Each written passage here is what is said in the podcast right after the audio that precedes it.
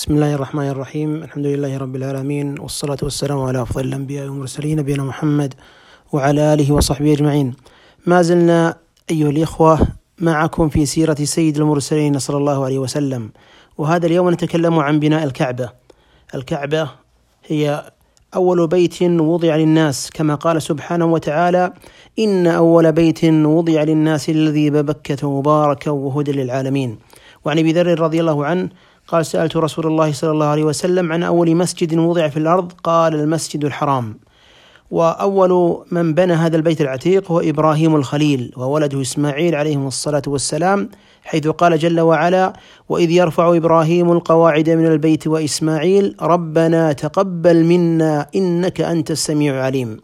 فأوشكت الكعبة في سنة من السنوات على الانهيار قيل بحريق أصابها وقيل بسيل جارف وكان ذلك قبل بعثة النبي صلى الله عليه وسلم بخمس سنوات على الراجح.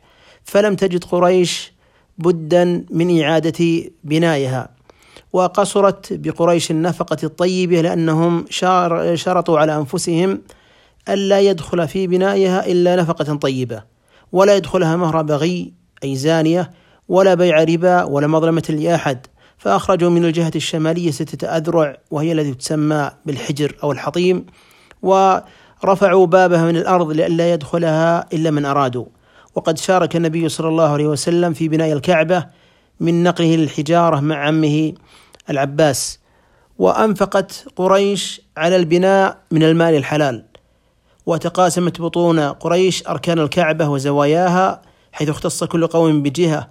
وحينما أتموا البناء اختلفوا في وضع الحجر الأسود مكانه.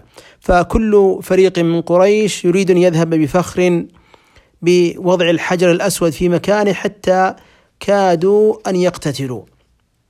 ثم في النهاية بعد يومين أو ثلاثة اتفقوا على أن يحكموا أول داخل الحرم. فكان أول من دخل الحرم هو المصطفى صلى الله عليه وسلم. فلما رأوه صاحوا جميعا هذا الأمين هذا محمد رضيناه رضيناه رضينا بالأمين. وهذه شهادة مباشرة من قومه. حتى من عاداه قد شهدوا له في هذه اللحظة بأنه أمين.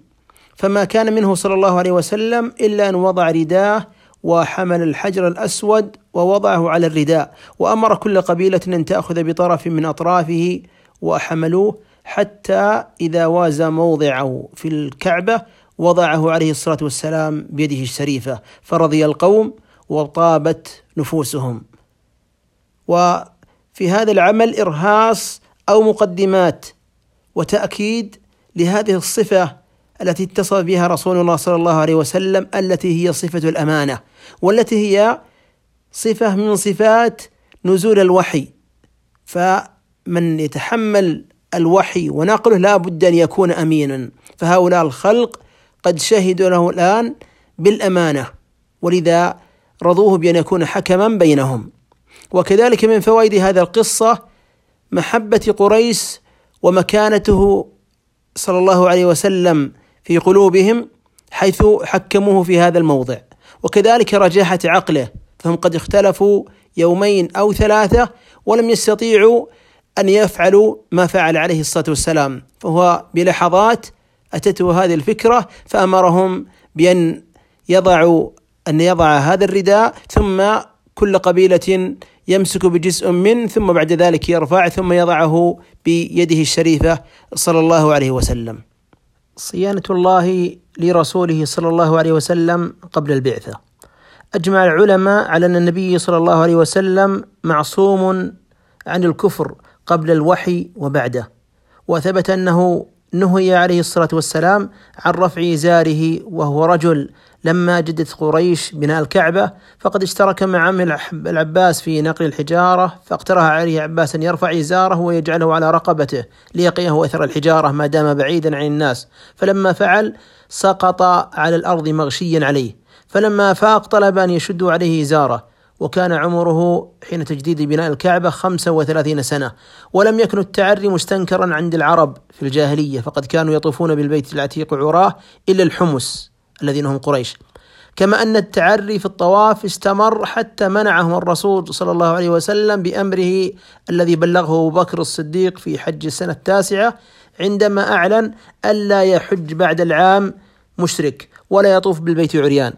لذلك علق الإمام ابن حجر رحمه الله تعالى على هذا الحديث فقال وفي الحديث أنه صلى الله عليه وسلم كان معصوما عما يستقبح قبل البعثة وبعدها.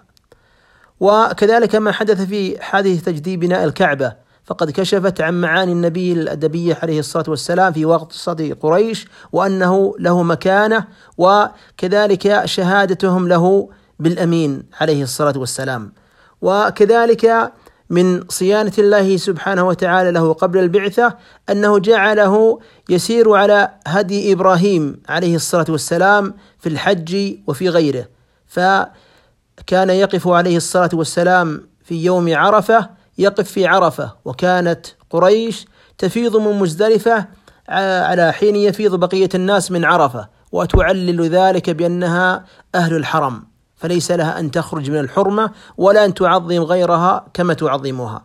أما الرسول صلى الله عليه وسلم فكان يقف بعرفة. فلما رآه جبير بن مطعم واقفا بعرفة قال هذا والله من الحمس يعني من قريش. فما شأنه ها هنا؟ يعني تعجب أن يقف ها هنا في عرفة ولم يقف مع قريش. وهذا من توفيق الله سبحانه وتعالى لرسوله صلى الله عليه وسلم قبل البعثة. فإنه كان يستمسك بإرث إبراهيم وإسماعيل في حجهم وفي مناكحهم وفي بيوعهم.